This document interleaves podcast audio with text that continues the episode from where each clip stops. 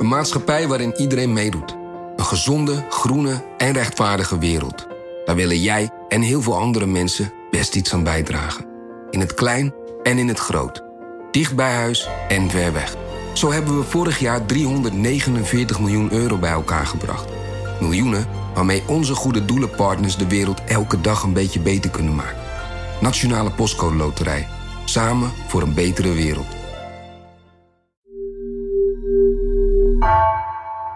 Waar luister jij je podcasts? Hoe vind je ze? Welke zijn goed, bijzonder, belangrijk?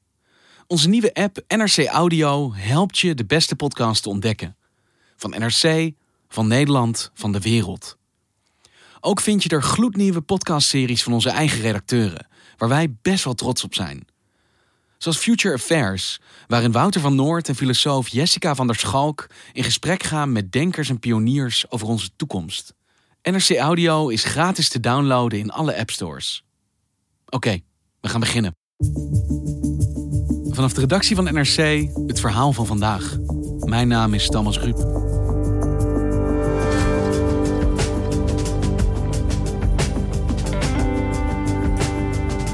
Een jonge Nederlandse kunstenaar wordt al jarenlang beschuldigd van verkrachting, aanranding, geweld en stalking. Zijn succesvolle carrière heeft het niet in de weg gestaan. Politieonderzoek bleef uit. NRC sprak met 20 vrouwen die verklaren wat zij hebben meegemaakt en hoe zij zich jarenlang niet gehoord voelden. Hoe kon dit blijven gebeuren?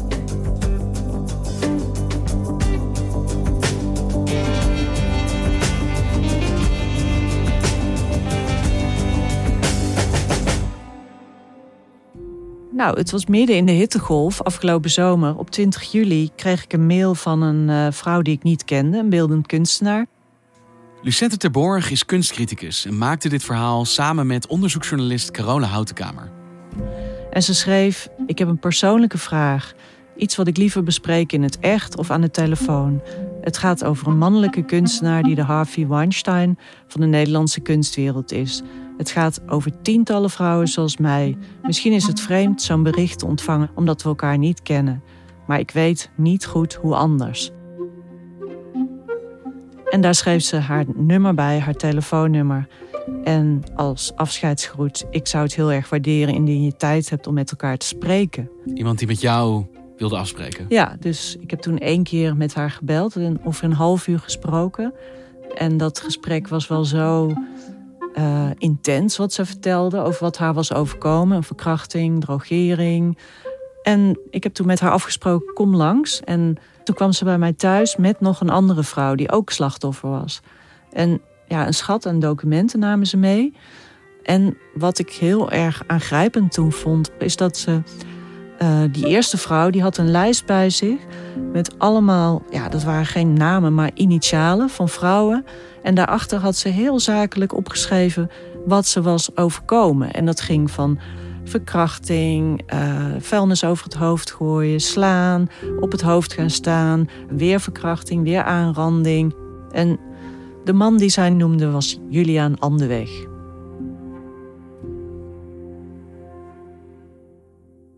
Wie is deze Juliaan Andeweg? Ja, het is een Nederlandse kunstenaar. Hij is geboren in Den Haag. Hij heeft zijn carrière gemaakt eerst op de Koninklijke Academie van Beeldende Kunsten.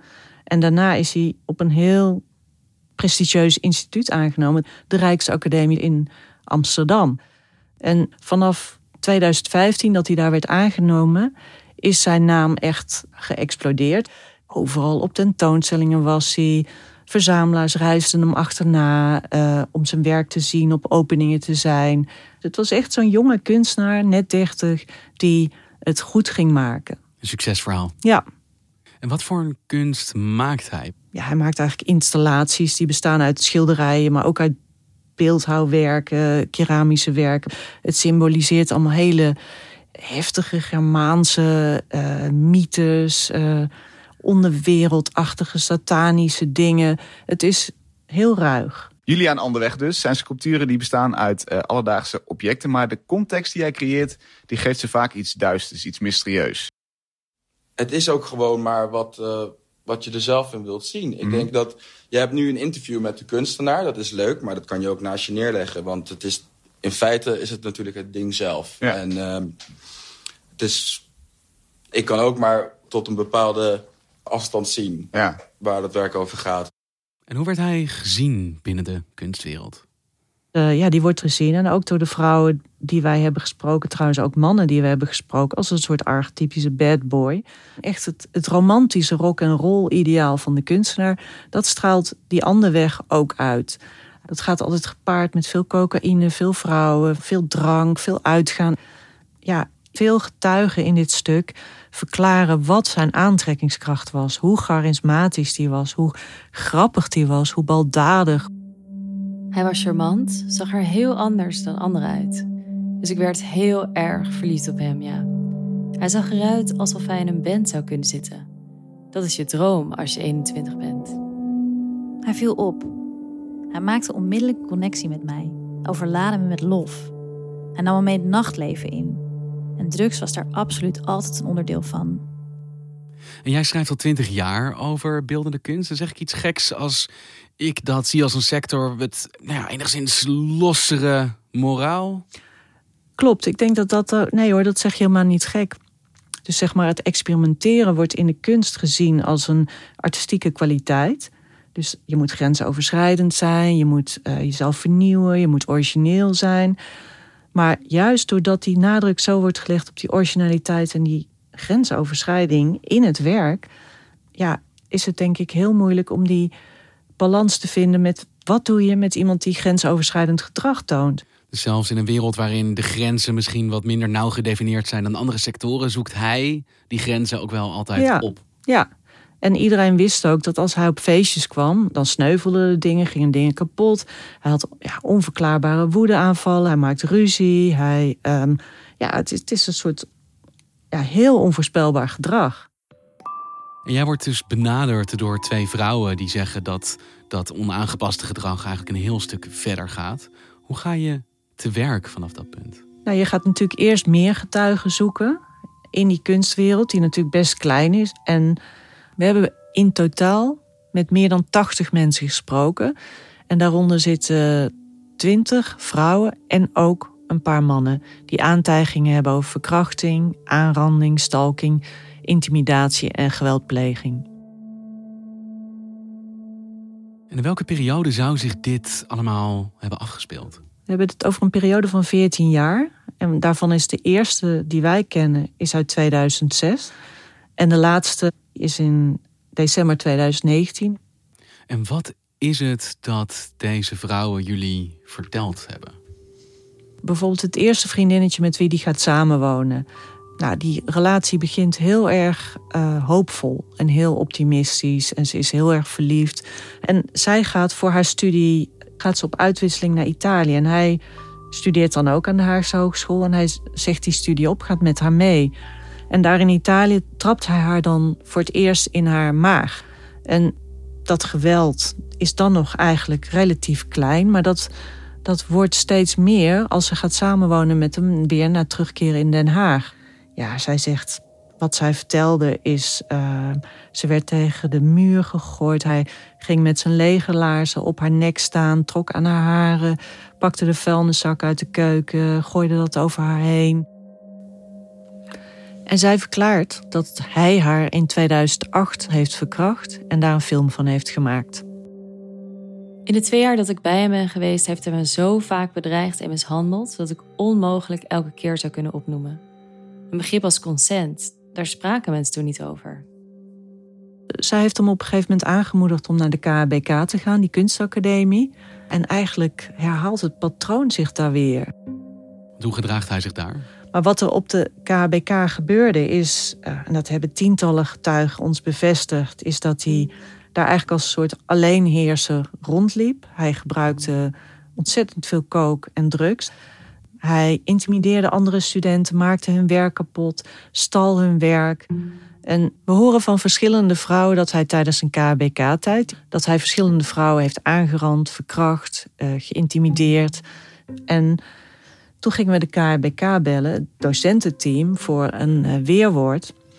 En die vertelde, ja, ze herkennen wel dat het een moeilijke persoon is... en dat hij een moeilijk karakter had, maar niet dit soort dingen. Maar als je dan verder vraagt, dan komt er ineens een ander beeld, verklaren ze dan. Zo van, ja, ehm, nou, wij hebben wel geprobeerd hem aan banden te leggen. Want hij was de enige student die ooit een gedragsprotocol heeft, is gedwongen geweest te ondertekenen. En dat gedragsprotocol hebben ze me ook toegestuurd. En dat is precies de lijst met beschuldigingen die al die studenten die wij hebben gesproken hebben gezegd. Dus het drugsgebruik, het drankgebruiken, het kapotmaken van eigendommen, noem maar op. Maar ze zeggen dan niet op de hoogte te zijn van dat seksuele overschrijdende gedrag. Daar weten ze niks van. Maar goed, hij ondertekent dat gedragsprotocol, maar houdt zich er vervolgens niet aan. Want twee maanden later wordt hij dan twee weken geschorst. Maar dat is het enige wat ze doen. Ze schorsen hem twee weken maar. En daarna is hij gewoon weer op die academie. Verdere gevolgen worden er niet aan gegeven. Nee, en dan mag hij nadat hij op school, nadat hij is afgestuurd, dan mag hij nog twee jaar gebruik maken van alle werkplaatsen. Dus hij loopt daar gewoon nog rond. En pas als ouders van een mishandelde vriendin een brief sturen naar die school, dan, dan komt er een soort ongemak bij die leiding. En dan wordt hij een paar maanden later wordt hij definitief krijgt hij een schoolverbod. Maar dat zijn allemaal dingen die niet in het openbaar komen. Dus toen hij in 2015 op die heel prestigieuze kunstopleiding in Amsterdam aangenomen, de Rijksacademie. En als je die mensen belt en zegt: Wisten jullie hiervan? Nee, nooit van gehoord. Helemaal niks van bekend. Dus hij studeert ook gewoon af, gaat een prestigieuze kunstenaarscarrière tegemoet. En dat gedrag, zeggen de vrouwen die hij spreekt, stopt niet. Nee, in tegendeel. Het is juist dat hij in die jaren, vanaf dat hij niet meer op de kunstacademie is, 2012, 2013 en daarna, ja, volgens verklaringen van vrouwen die wij hebben gevonden, zijn er wel drie per jaar die hij aanrandt, dan wel verkracht. Hij greep mij ongevraagd bij mijn borsten en tussen mijn benen. Tijdens een uitgaansavond heeft hij mij gedrogeerd en verkracht. Ik was zo bang en ik weet nog dat ik zei: Dit kun je niet doen. Ik wil dit niet. Hij heeft mij bedreigd en gestalkt. Want Lucent, dit zijn hele serieuze aantijgingen. Dit gaat verder dan ongepast gedrag. Dit is strafbaar gedrag. Wat ondernemen die vrouwen op het moment dat hen dit overkomt? Nou, de meeste vrouwen deden in eerste instantie geen aangifte. Dat komt vaak uit schaamte. De eerste vrouw die het probeert, um, doet pas aangifte in 2018. Althans, dat probeert ze. Ze zegt tegen de politie dat ze is verkracht en drie keer is aangerand. Dan moet ze, op het moment dat ze aangifte doet, moet ze zo ontzettend huilen dat die politie zegt: Goh, meisje, zou je eerst niet in therapie gaan? Dat krijgt ze te horen. Ja, dat krijgt ze te horen. Uh, en dat doet, dan? Dat, dan gaat ze dus weg. Dat, dan, dat doet ze dan. En de aangifte wordt niet. Nee, dan heeft, nee, heeft ze geen aangifte. Uh, ze heeft alleen maar bewijs dat ze bij de politie is geweest. Vervolgens is, barst die MeToo-affaire los. En in 2019 denkt ze eigenlijk heel stoer. Denkt ze, ja, verdorie, ik laat er niet bij zitten. Dus ze denkt, ik ga wel aangifte doen. Want het is gewoon niet oké wat met mij is gebeurd. Vervolgens is er een andere vrouw die zegt dat ze in 2018 verkracht en gedrogeerd is door hem. En als ze in 2019 aangifte wil doen, zegt de politie: Ja, maar we hebben geen bewijs meer, mevrouw. Um, u had dat meteen moeten doen, maar dat is nu een jaar geleden. Dus ja, we kunnen dit nooit gaan bewijzen. Dus ik zou maar geen aangifte doen. Door de jaren heen wordt er wel eens uh, aangifte gedaan, of wordt dat in ieder geval gepoogd. Maar dat leidt kort gezegd niet tot een strafrechtelijk onderzoek naar hem. Nee, klopt.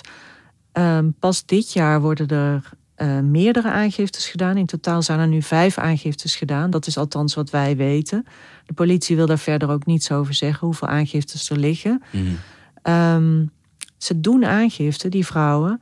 Alleen ze horen niks van de politie. Dus het blijft, zeggen zij, stil vanuit de politie. Ja, klopt. En daarom ook dat ze contact hebben gezocht met de journalist. Wat natuurlijk niet het eerste is wat je geneigd bent te doen als je zulke intieme dingen hebt meegemaakt en gewelddadige dingen. Dus daarom ook dat ze in juli naar de krant schrijven: hey, hallo, er is een Weinstein uh, aan de slag in de Nederlandse kunstwereld. Niemand luistert naar ons. Kun jij ons helpen? En dat doen ze anoniem? Ze doen dit anoniem, maar wij weten natuurlijk van iedereen wie het is. Dus um, ze doen het niet alleen. De leidspreuk was ook: samen staan we sterk. Het is wel lastig, lijkt me ook als journalist, hoe je dan te werk gaat. Want er ligt geen strafrechtelijk dossier, er is geen politieonderzoek. En je zit met al deze getuigenverklaringen. Hoe gaan jullie daarmee om hier? Ja, dat is het lastige van zedendelicten. Je hebt de verhalen van de getuigen, maar die zijn geen bewijs. Dus er is geen bewijs, want het heeft tussen twee mensen afgespeeld.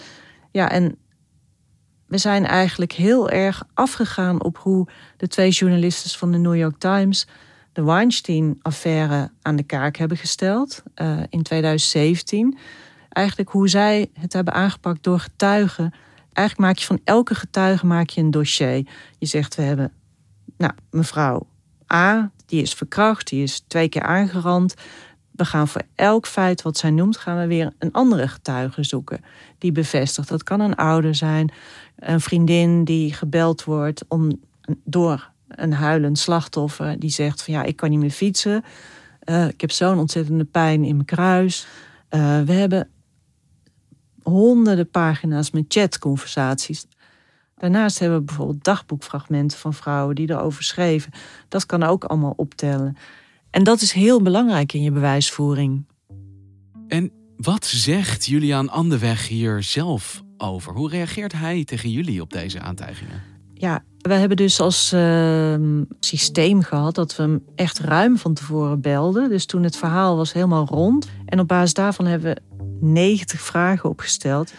Um, en toen hebben we hem vorige week maandag hebben we hem gebeld. En dan zeg je: We hebben 20 aantijgingen tegen jou uh, over seksueel grensoverschrijdend gedrag, aanranding, verkrachting, et cetera. En we hebben daar een aantal vragen over. Nou, toen in eerste instantie schrok, ja, hij schrok natuurlijk heel erg. Dus toen hebben we ook gezegd tegen hem van luister, we bellen morgen terug, dan kun je erover nadenken. En nou ja, op de dinsdag toen we hem belden, toen uh, had hij een uh, advocaat. En die had hem geadviseerd om niet op die vraag te antwoorden. En toen kregen we uiteindelijk uh, zondagavond een bericht van de advocaat, een brief dat uh, hij eiste namens zijn cliënt dat die mocht bepalen hoe zijn antwoorden in het stuk zouden komen. Uh, hij eiste ook alle bronvermelding te zien.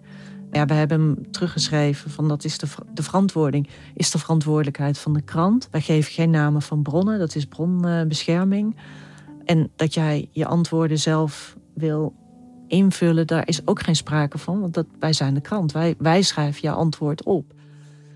En toen hebben we hem wel de gelegenheid gegeven om het stuk te lezen, maar dan moest hij wel eerst de vragen beantwoorden. Nou ja, en toen kregen we s'avonds een brief van de advocaat dat, dat Julian Anderweg afzag van het beantwoorden van vragen en dat hij niet wilde meewerken aan dit onderzoek. Julian Anderweg zwijgt. Ja, Hey Elisette, de kunstwereld in Nederland is natuurlijk niet oneindig groot. Als het zoveel vrouwen zijn, ook vaak afkomstig uit die wereld die met dit soort verhalen komen, dan moet dat toch rondgaan, ook daar. Hoe kan dat dan de afgelopen jaren waarschijnlijk zo weinig invloed hebben gehad op zijn positie, op zijn succes? Ja, maar dat is natuurlijk ook het ontzettend pijnlijke. We hebben ook brieven van vrouwen die zeggen door hem seksueel misbruikt te zijn, geschreven hebben naar kunstinstellingen waar hij een mooie expositie kreeg. Wat je dan ziet is dat die vrouwen worden niet serieus genomen. Er wordt wel gezegd, jezus, wat rot voor je. En uh, ja, we gaan het onderzoeken en uh, ik laat je nog weten wat daaruit voortkomt. En vervolgens horen die vrouwen nooit meer iets. Want deze verhalen gingen de kunstwereld rond, maar het leek zijn succes niet in de weg te liggen. Nou ja, hij is dus ondanks al dat wangedrag, waar we die verklaring over hebben, ondanks al dat wangedrag is hij heel succesvol op exposities. Een vaste galeriehouder neemt hem mee naar buitenlandse beurzen, waar hij goed verkoopt. Er zijn grote verzamelaars hier in Nederland die zijn werk hebben. Ja. Want ik vraag me toch af, als iemand over wie zoveel verhalen de ronde gaan, tegelijkertijd zo in het hart uh, van de aanzien kan blijven staan in die kunstwereld. Wat dat zegt over die sector van de beeldende kunst. De Nederlandse kunstwereld heeft het idee dat ze heel progressief is. Uh, maar wat ik ook in andere onderzoeksverhalen die ik heb gedaan heb gezien en meegemaakt, is dat ze eigenlijk helemaal niet progressief zijn. Ze lopen heel erg achter, ook op het buitenland, in beleid, in protocollen, in noem maar op. Weet je, of het nou gaat over het aannemen van een diverse staf of kunstenaarshonoraria, of dit. Van hoe serieus neem je vrouwen die met grensoverschrijdend gedrag te maken hebben? En op dit moment treden deze vrouwen dus naar buiten via jullie in de krant. En er zijn dus vijf aangiftes. Wat gaat hier nou het vervolg van zijn? Komt er een onderzoek?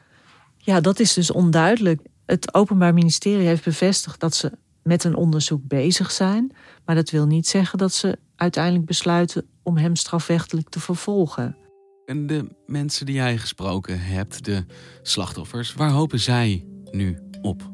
De, de kans is heel klein dat hij wordt veroordeeld.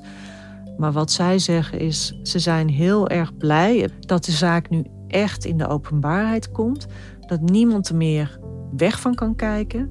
Dat instellingen het weten. Zij hopen echt dat dit een soort MeToo-verandering in de kunstwereld gaat opleveren. Want los van de strafrechtelijke gevolgen, niemand straks meer kan zeggen: Ik wist dit niet. Ik heb het niet geweten, nee.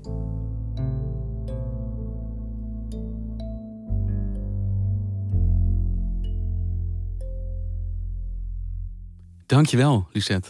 Graag gedaan. Je luisterde naar vandaag, een podcast van NRC. Eén verhaal, elke dag. De stemmen die je in deze aflevering hoorde zijn om hun privacy te beschermen niet van de slachtoffers zelf. De woorden zijn wel van hen. Deze aflevering werd gemaakt door Nina van Hattem en Ruben Pest. Chef van de audioredactie is Anne Moraal. Dit was vandaag. Morgen weer.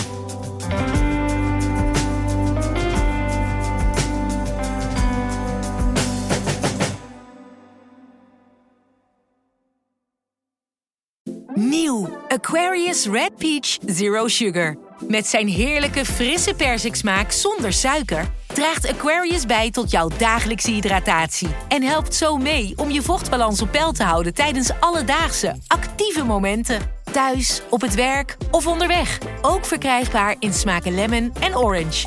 Probeer hem nu.